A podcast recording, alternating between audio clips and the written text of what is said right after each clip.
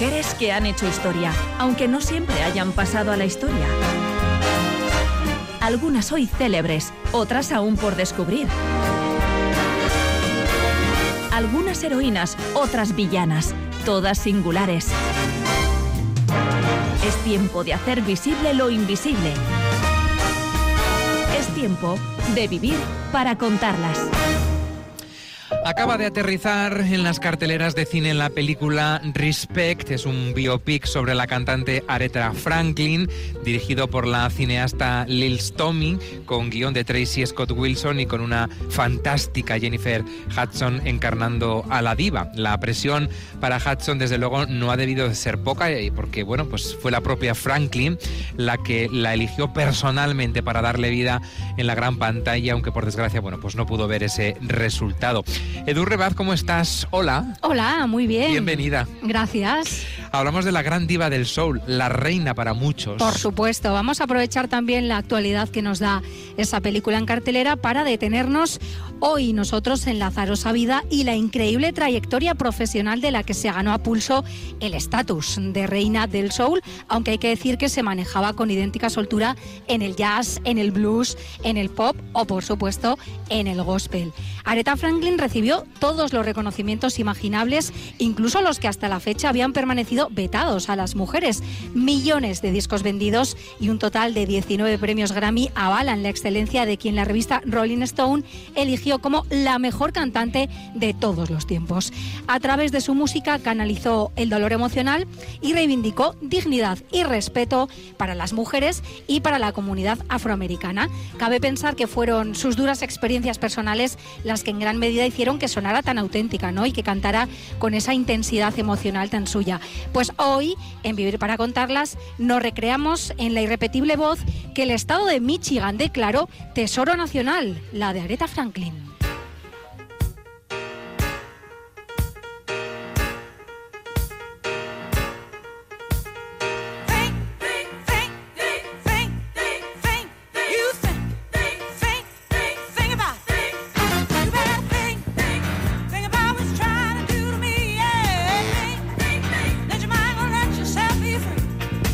Duda un vivir para contarlas muy musical que vamos a iniciar con Aretha Louise Franklin, que nació en Memphis, en Tennessee, el 25 de marzo de 1942. Creció en Detroit, donde su padre Clarence Levo Franklin era predicador en la iglesia baptista New Beth. Su madre Bárbara era cantante de gospel, de modo que a ese innato talento de Aretha se unió un entorno en el que la música de alguna forma Edurne siempre estaba presente. Sí, eso sin duda le benefició, pero lo que no tuvo fue un ambiente familiar estable y armonioso, porque sus padres se separaron cuando ya tenía solo seis años, y es que el violento temperamento de su padre y sus constantes infidelidades, incluida, atención, una con un adolescente de su propia congregación con la que incluso tuvo un hijo, hicieron que Bárbara abandonara el hogar familiar y que Areta, junto a sus cuatro hermanos mayores, quedara al cuidado de su padre o de forma particular de su abuela.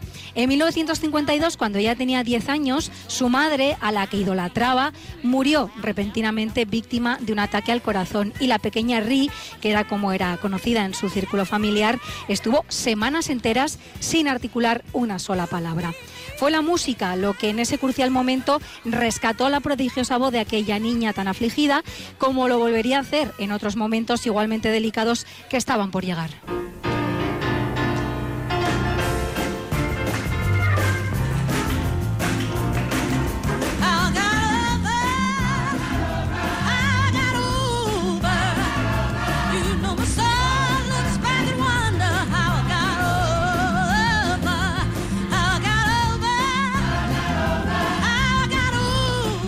Aretha Franklin tenía un talento extraordinario, no hace falta más que ir a sus eh, canciones. No solo contaba con una voz eh, asombrosa, sino que también tenía un oído prodigioso. Según su familia, era capaz de cantar e interpretar al piano una canción después de haberla escuchado una única vez. Eso sí que es tener talento. Em, ¿Estaba predestinada a ser una estrella? Bueno, con esas cualidades parece que sí. Desde luego su padre estaba convencido y no le faltaba razón de que Areta había nacido con un don.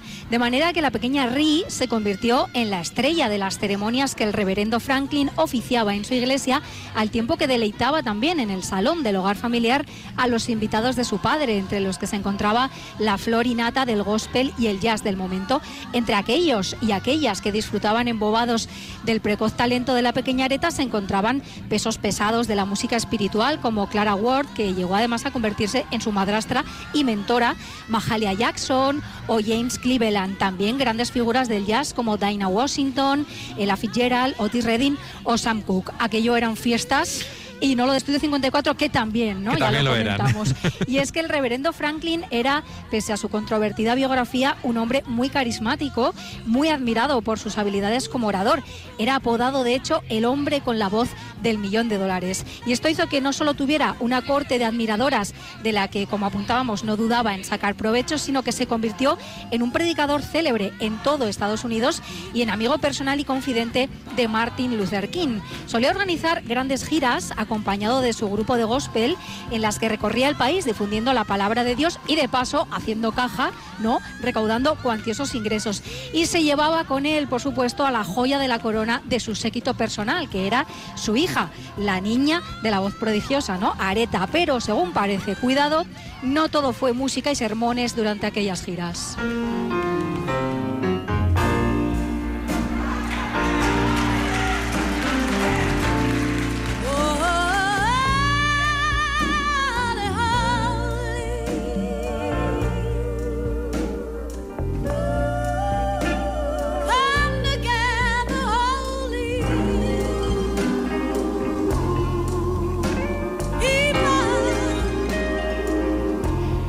Ya vamos a descubrir que Aretha Franklin em, fue una persona que mm, fue muy celosa ¿no? de, su vida, de contar ciertos pasajes, por lo tanto hay cierto secretismo en muchos pasajes de, su vida. ¿no? De hecho, por ejemplo, hay uno, em, bueno, pues de que tampoco saben demasiadas cosas, porque dio a luz a su primer hijo con solo 12 años, con solo 12 años, y tampoco se sabe a ciencia cierta eh, quién fue el padre de aquel niño.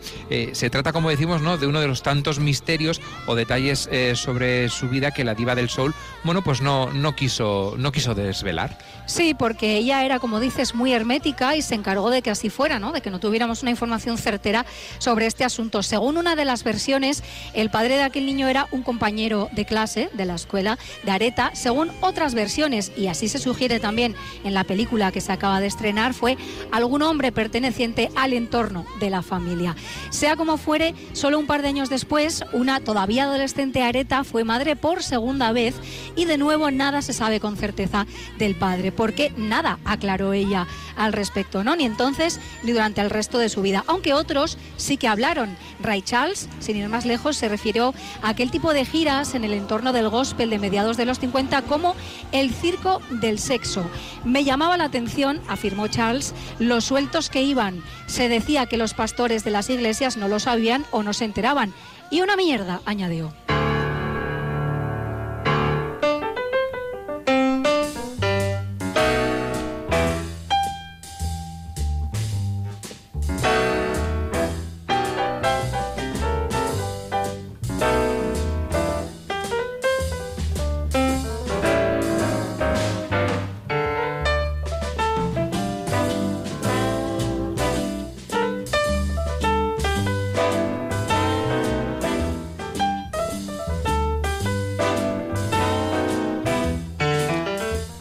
Como vemos, adolescente de dos hijos, Areta dejó la escuela, eh, pero no para cuidar de ellos. Esa labor recayó entonces y en adelante en su abuela, porque el reverendo Franklin no estaba dispuesto a renunciar a, su gallina de los huevos de oro, ¿no? de la que por supuesto em, se nombró representante. Todo en la vida de, de Aretha Franklin fue tan precoz. Pues sí, porque solo con 14 años ya había hecho una primera grabación que se llamó The Gospel Soul of Aretha Franklin y con 18 años viajó a Nueva York para tomar clases de técnica vocal y de danza. Y allí se embarcó para desagrado de su padre en una carrera musical secular, aparcando temporalmente, como luego veremos, la música gospel. Se cuenta que la Motown, célebre discográfica estadounidense especializada en la música afroamericana, mostró interés por ella, pero finalmente firmó un contrato con el poderosísimo sello también Columbia Records, bajo la dirección del conocido cazatalentos John Hammond. Esta compañía fue haciendo evolucionar a Areta desde ese soul original hacia los más comerciales estándares del jazz, un género que como cualquiera que se le pusiera por delante, ella interpretaba de maravilla, pero que no era de su preferencia. Y en efecto, el éxito de sus discos fue discreto. El público también parecía compartir lo que ella misma sentía, que con una decena de discos ya publicados todavía no había encontrado su propia voz.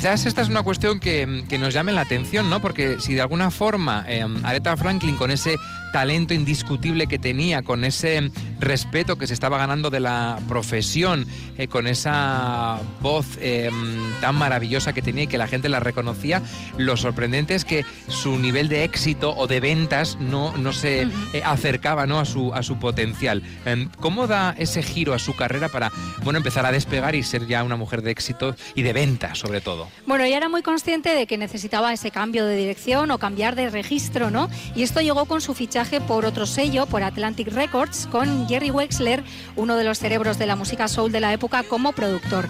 Y él sí supo explotar los recursos naturales de Areta, esa furia interior que llevaba dentro la joven tímida e introvertida que era, apostando por un estilo más urbano en el que el artista brillaba ya como nadie. Su single debut que escuchamos de fondo fue I Never Love the Men, The Way I Love You, incluido en un disco del mismo nombre que sentaría ya las bases de su nuevo y esta vez sí exitoso sonido. En esta nueva etapa, Areta asumió además otras labores en las que demostró también un enorme talento, por ejemplo como compositora de algunos de sus propios temas y haciendo gala de un infalible ojo para los arreglos musicales. Ella le daba su toque también en este sentido a las canciones y a mediados de la década de 1960, Aretha Franklin se había consolidado como una estrella femenina del soul que colaba éxito tras éxito en las listas de ventas. De entre todos ellos, por supuesto, cabe destacar uno, quizá el más el que todos tenemos ¿no? en mente cuando pensamos en Aretha Franklin.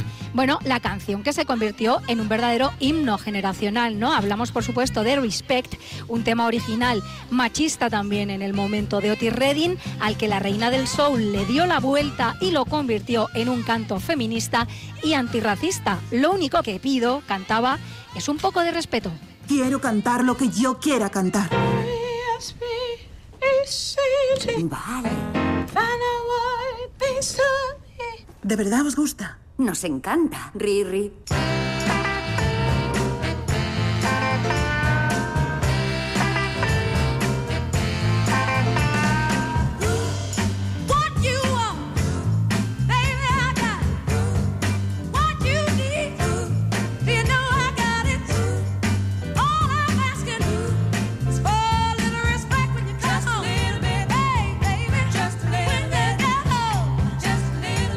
Solamente es el gran éxito que reconocemos y conocemos de Aretha Franklin, sino que es que sonar y todo el mundo, eh, bueno, pues se pone a bailar, ¿no? Porque, bueno, pues el, tema lo ves, ¿no? Eh, la canción fue un absoluto éxito que además con el sentido que la letra original había adquirido en la voz de Areta, caló en una sociedad, pensemos que es una sociedad de los años 70 que vivía una revolución sexual y también una eh, activa lucha en defensa de los derechos civiles de los afroamericanos. Y ese contexto no podemos perderlo de vista. Sí, fue 1967, probablemente el mejor año en la vida artística de Areta. Respect le proporcionó dos premios Grammy y tan famosa se hizo su versión de este tema que acabó por eclipsar a la de Otis Redding, quien según parece no lo llevó especialmente bien, mm. porque desde entonces solía referirse a Areta como esa chica que me robó la canción, ¿no?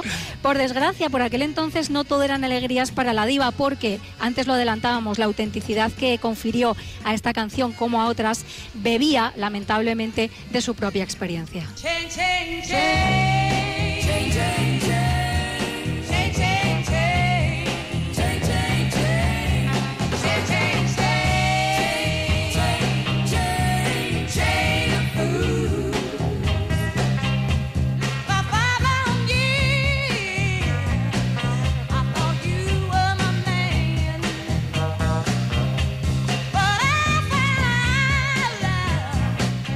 Vivir para contarlas estamos repasando la vida de Aretha Franklin, que ha sido llevada al cine interpretada por Jennifer Hudson, ya está en la gran pantalla y podemos disfrutar de la biografía de esta gran artista. Eh, durante los primeros años de su carrera en Nueva York, eh, Aretha pensaba que su padre no podría promocionarla más allá pues, de los circuitos de gospel, ¿no? De manera que nombró un nuevo representante, lo hizo al que a ese hombre del que se había enamorado y con el que acabaría casándose. Estamos hablando de Ted White, que fue un auténtico canalla, podemos Sí. decirlo así, le dio mala vida. le dio muy mala vida. Fue un hombre que, como Ike Turner hiciera con Tina, le ayudó a ajustar su estilo y su imagen a las demandas del mercado musical del momento y le ayudó a impulsar su carrera. Pero como Tina, Aretha también pagó un altísimo precio, el de los celos, el control obsesivo, el comportamiento despótico y la violencia física. Su situación se hizo pública en 1968 porque Aretha protagonizó la portada de la prestigiosa revista Time. Fue la primera mujer negra en hacerlo, pero reservada como era en sus asuntos personales, lo que no le gustó fue lo que se encontró en las páginas interiores de la revista, donde se revelaba que su marido y manager la había agredido en público, además de otros detalles íntimos como su compulsiva relación con la comida, ¿no? Pero ya sorprende que en 1968 ya saliese una publicación denunciando los malos tratos, ¿eh? Sí, ella lo quería 1968. mantener eh, oculto, pero se publicó y era completamente cierto. Y de hecho, a poco que uno se fije, la realidad de su vida con Ted White está inquietantemente presente en muchas de sus canciones de aquella época, las escribiera ella o no, pero ella las interpretaba y esas letras parecían describir su propia vida. Tras una década de abusiva relación, Aretha se divorció de Ted White, pero ese doloroso proceso de ruptura, unido a sus traumas del pasado y a sus problemas de inseguridad, ansiedad y depresión, agravaron el problema que ya tenía de consumo de alcohol. Y este a su vez acabó afectando también a su carácter y al modo en el que trataba a las personas de su entorno, ya fueran empleados, colaboradores, familiares o amigos. Su productor Jerry Wexler la definió como la dama de la enigmática melancolía. Y realmente era un enigma, ¿no? Como decíamos, como tantos otros y otras antes, Aretha optó por crear su propia realidad como forma de sobrevivir y su biografía está llena de misterios, ocultaciones o fabulaciones. Ya hemos dicho que ha sido muy celosa de su intimidad, por lo tanto su biografía está llena de esos eh, agujeros, pero eso no le impidió en 1999 encargar la redacción de, de sus memorias al periodista especializado eh, David Rich, que contaba en ellas teniendo en cuenta, bueno, pues que hay muchos episodios de los que desconocemos em, su totalidad. Contaba lo que quiso contar. Optó por reescribir su vida, pasando por alto los pasajes más dolorosos como el abandono y la prematura muerte de su madre, la complicada relación con su padre, su propia maternidad, ¿no? siendo solo una niña, su traumático matrimonio con Ted White o su batalla contra el alcoholismo. Y David Rich, el autor, no se sintió cómodo con el edulcorado y deshonesto resultado y en 2014 decidió publicar una nueva versión para la que contó con el testimonio de amigos, familiares y colaboradores de la cantante. Se publicó en castellano con el título Aretha Franklin, Apología y Martirologio de la Reina del Soul. Y aquí estaban las luces, pero también, también las estaban sombras. las sombras, ¿no? Por ejemplo, los altibajos que experimentó su carrera, su fobia a volar que impidió que actuara pues mucho más allá de las fronteras de Estados Unidos, ¿no? Su obsesión con el dinero, sus problemas con Hacienda o su fama de diva, caprichosa, arrogante, fría y de trato difícil. A este respecto su hermana Caroline contó Tenía miedo de no estar a la altura, pensaba que no era ni guapa,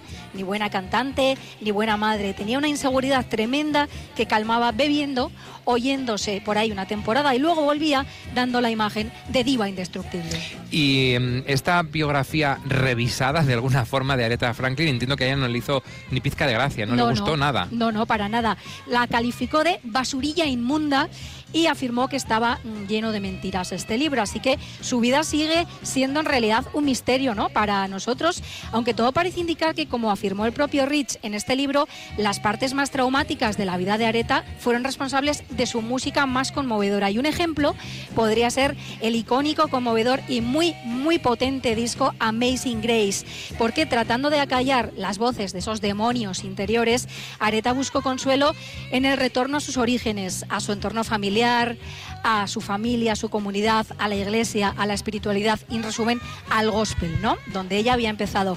Y en 1972, cuando tenía apenas 30 años, ofreció dos conciertos en una iglesia baptista que fueron grabados por el director Sidney Pollack.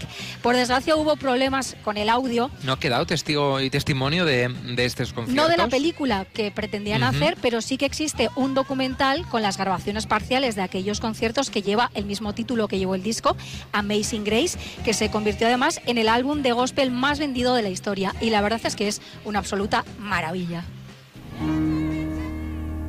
Amazing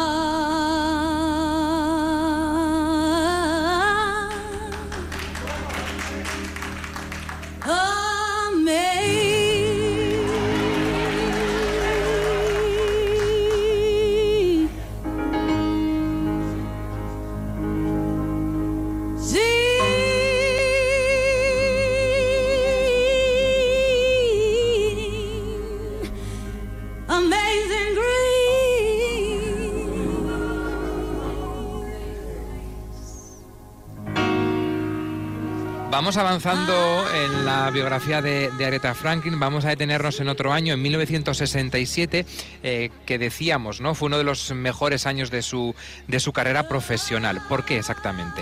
Bueno, surfeando la ola de éxito que tenía en ese momento, solo un año después publicó un disco que llevaba por título el sobrenombre que ya era enteramente suyo, ¿no? Lady Soul, la dama del soul. Y con hits como You Make Me Feel Like a Natural Woman, vendió de nuevo millones de, de copias. King exactamente de la que luego hablaremos.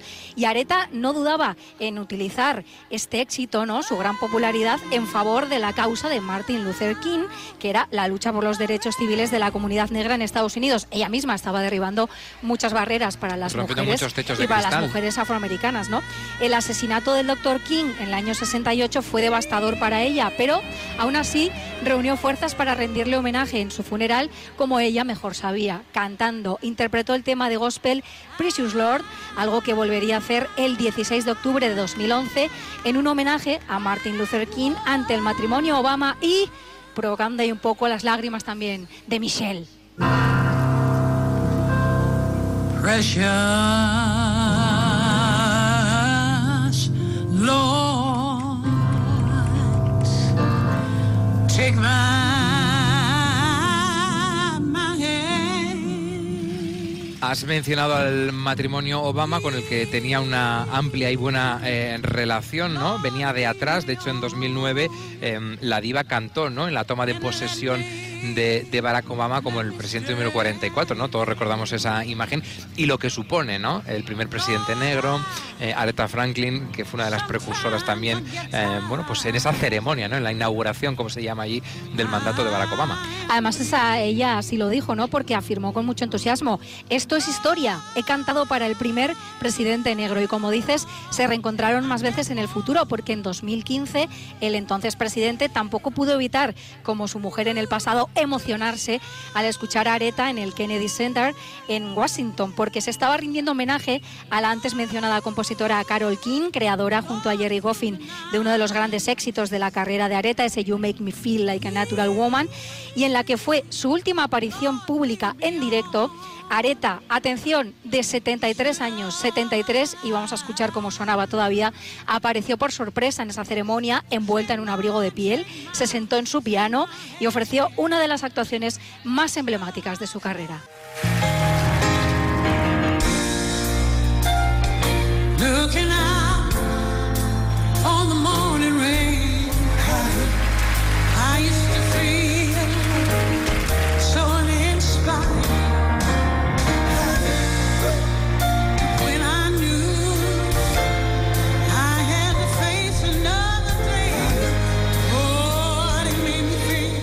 Vamos acercándonos al final de esta biografía de Aretha Franklin. Durante toda su trayectoria profesional se atrevió con mayor o con menor éxito a experimentarlo prácticamente todo, ¿no? Desde el rock, el pop, el soul, la música disco, duetos con algunos grandes cantantes ¿no? y artistas eh, célebres en ese momento. Estamos hablando de Elton John, de James Brown, de Whitney Houston, de George Michael, María Carey, en fin, hay muchas colaboraciones por ahí y actuaciones memorables. Y también participó en bandas sonoras, incluso hizo cambios, porque todos recordamos ¿no? su aparición en la película de Blues Brothers en el año 80, donde cantaba Think. Y nada le quedaba grande, hay que decir, a quien en 1987 se convirtió en la primera mujer en ser incluida en el Salón de la Fama del Rock and Roll. Y en 2008, la revista Rolling Stone la colocó en el número uno de los 100 mejores artistas de todos los tiempos. La imparable diva solo se topó con un enemigo que terminó por ser más fuerte que ella.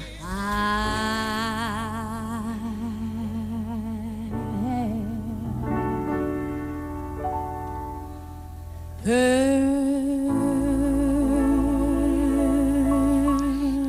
ese enemigo tiene nombres y apellidos. Es cáncer de páncreas. ¿eh? Siempre trató de mantener eh, en silencio sus asuntos más privados, pero acabó filtrándose esa dolorosa noticia, ¿no? Que, Sí. que padecía esta enfermedad. Ella afirmó que tras pasar por el quirófano estaba totalmente recuperada, pero no era cierto, ¿no? Y de hecho, el cáncer acabaría pagando para siempre su voz el 16 de agosto de 2018 a los 76 años. Tuvo tiempo de todo lo que hemos contado y también de divorciarse dos veces y de ser madre de cuatro hijos. Logró lo inimaginable en lo profesional y también sufrió lo indecible en lo personal. Quizá optara por la negación o por la reescritura a demanda de los capítulos más amargos de su vida, pero la verdad absoluta nos la entregó siempre escondida en sus canciones, las que le valieron 18 premios Grammy, incluido el que en 1995 recibió por toda su carrera, o el premio Pulitzer, que por su indeleble contribución a la música y a la cultura estadounidense durante más de 50 años recibió a título póstumo en 2019. De nuevo fue, por cierto, la primera solista en recibirlo, siempre pionera. Se fue la reina del soul, pero solo para instalarse en ese lugar en el que uno no envejece y al que ella cantaba con el sentimiento acostumbrado.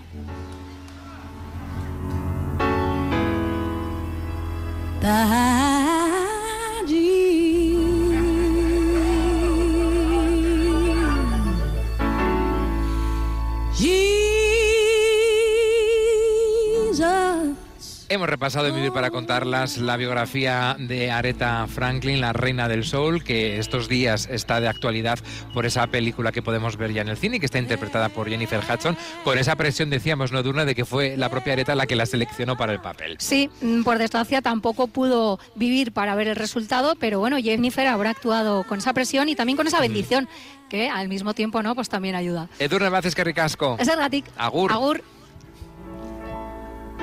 She's a land where